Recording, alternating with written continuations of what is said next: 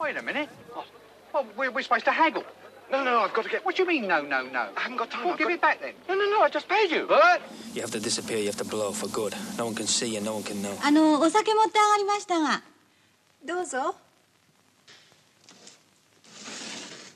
あら珍しくお取り込み中じゃないんですね Though you may think you're having fun now, you only hurt the one you love. Dette er fire filmer som har noen ting til felles. De ble alle forbudt i Norge, i hvert fall i første omgang. Life of Brian, Millers Crossing, Sansenes rike og Robocop 2. Dette forteller vi fordi det i dag er 100 år siden Norge fikk filmsensur og kommunale kinoer. Begge deler kom med kinoloven. Den russiske storfilmen 'Panserkrysseren Potemkin' ble klippet pga. faren for politisk agitasjon. 'Snehvit og de syv dverger', som den het i 1939, ble også klippet fordi det var både hekser og skjeletter som var skumle, og heller ikke Chaplin eller Strindberg slapp unna denne veldig norske sensuren. Filmhistoriker eh, Ove Solum, eh, professor Universitetet i Oslo. eh, Det er de merkeligste formene for sensur vi har hatt i Norge, eller var det ikke enestående? Det var på ingen måte enestående. Det å sensurere film i 1913 var regelen rundt omkring i, i ulike europeiske land. Så eh, der var Norge helt i takt med, med internasjonal uh, filmutvikling. Sverige var det første landet som innførte nasjonal sensur, og etter at man hadde prøvd seg med lokale sensurgrupper rundt omkring i landet, så fant man ut at det var best med en ensartet nasjonal filmsensur. Men her var altså Norge helt i takt med, med den internasjonale eh, filmutviklingen. Men hvor lenge holdt vi oss i takt? For det ble jo et ganske mye oppstuss da Monty Pythons satiriske 'Life of Brian', som altså uh, omhandler Brian og ikke Jesus, um, uh, ble forbudt i første omgang. Det med 'Life of Brian' er jo kanskje mer morsomt å tenke tilbake på, og er vel den siste famøse eh, avgjørelsen som ble tatt av Statens filmkontroll. I dag så er det jo ikke voksensensur. Filmer skal ikke forbys vist eh, i Norge, annet enn hvis de strider imot eh, den alminnelige straffeloven. Da kan man sette ned foten, men eh, ellers så er sensur en, en, en, eh, blitt historie. Anette Heyerdahl, rådgiver i Medietilsynet. Det er dere som eh, i dag sitter og gir aldersgrense på filmer, og, og ser og bestemmer hvor gamle vi kan være. Men dere klipper ikke lenger. Nei, det er det slutt med for lenge siden. Når ble det slutt? Det var på 90-tallet vel at eh, de siste filmene ble klippet. Men det er ganske sent når vi tenker oss om. I dag virker det jo ganske pussig for oss. Ja. Hvor ligger disse klippene? Det er jeg litt usikker på. Vi har prøvd å etterlyse dem. Men, eh, men det som er litt morsomt, er at i filmdatabasen vår så finnes det beskrivelser av de klippene som ble gjort, og, og årsaken til at det ble klippet ut. Så hvis man vil se litt på hva som var beveggrunnen for det, så finnes det altså beskrevet. Men selve klippene er jeg litt usikker på hvor, hvor befinner seg, dessverre. Så det er ikke som i Kinema Paradiso, hvor kinomaskinisten har en, en blikkeske med alle de sensurerte kyssene. dessverre. O Ove Solum, hva har filmloven som kom i 1913 betydd for oss eh, kinogjengere? Det som eh, er sentralt med kinoloven av 1913, var at den innførte også, i tillegg til sensur, en kommunal konsesjonsordning. Altså Man måtte ha kommunal lisens for å få lov til å fortsette å drive kino. Og I utgangspunktet fikk alle de private kinoeierne en sånn kommunal lisens. Men ganske snart så fant en del kommuner på at hvorfor skal vi ikke kunne gi denne lisensen til oss selv? Og det begynte de å gjøre. Og etter en seks-syv år så var hele Kino-Norge blitt endret ved at man da hadde innført lokale, eh, kommunale kinomonopoler. Og det gjorde ingen andre land på samme måte. Så der har vi en unik, annerledes filmhistorie.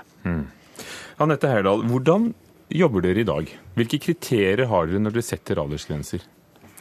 Eh, altså Nå er det jo for barn og unge vi vurderer filmen, ikke for voksne. For hvem som helst kan sette opp en film med 18-årsgrense, Ja. så lenge det ikke krenker søvn eller viser sånn kjønnslig omgang, for det fikk Trond Giske innført eh, Ja. forbud i 2006. Ja.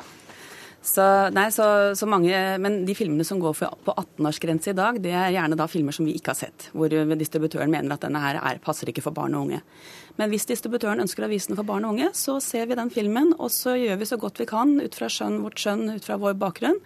og tenke på hva er det som eh, er skremmende, overveldende Altså hva, hva kan skade barn?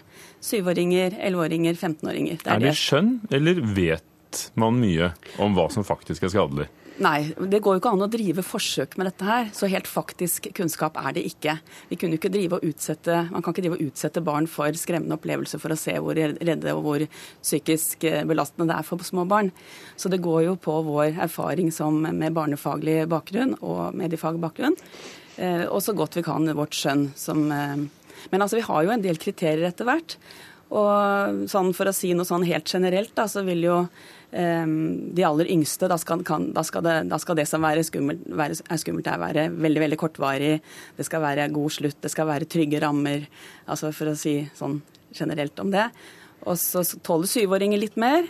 Og så ser vi vel mellom syvåringene og elleveåringene at evnen til å distansere seg fra det som skjer på skjermen, det utvikles, slik at elleveåringene er flinkere til å ikke leve seg så sterkt inn i det de ser, mm. som syvåringene. Og så, ja sånn litt kort. Eh, Ove Solum, er, er, våre aldersgrenser i dag i tråd med, med resten av Europa og ja, det lignende land? Jeg, det, det, tror jeg absolutt at det er. Så det, der skiller vi oss ikke i særlig grad fra noen andre land. Hva er de pussigste utslagene av den filmsensuren som har vært sett med dagens øyne? Ja, altså Det de gjorde f.eks. Under, under første verdenskrig, da var Norge nøytralt. Og sensorene, det var for øvrig Fernanda Nissen, kvinnesakskjemperen, og Arne Halhjem, de sensurerte altså på politisk grunnlag og mente at lerretene også skulle være nøytrale.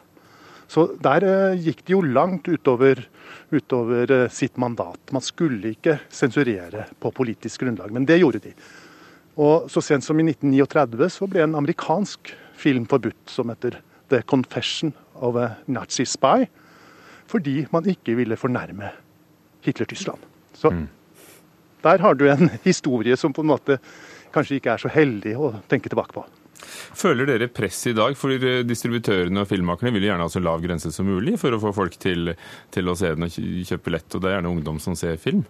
Altså, hvis vi får tilbakemeldinger på våre aldersgrenser, så er det gjerne fordi distributøren syns at det er for lave grenser. Eller, og hvis det er foreldre som ringer, så syns de at vi har for, nei, for høye grenser. Også mens foreldrene de syns at vi har for lave grenser. Men jeg må jo si at de siste årene så har det vært veldig, veldig få klagesaker. Så jeg tror vi er ganske Det har vært så lite klager på det vi har gjort. Altså, så. Det rareste tilfellet du kan komme på som dere har vært borti i historien? Oi. Eh, jeg kan foreslå et. ja. For jeg, skal, eh, jeg har nemlig funnet frem musikken fra En neve dollar, Sergio Leones film fra 1964, spagettivestern, eh, som først kom i Norge i 1967. Ove Solum, hvorfor i all verden ble den forbudt? Den var ansett for å være altfor brutal for sarte kinogjengere. Rett og slett. Men tre år senere så gikk det? Tre år senere så gikk det. Så ja, hva som hadde skjedd i mellomtiden, det tør jeg ikke ha noen formening om.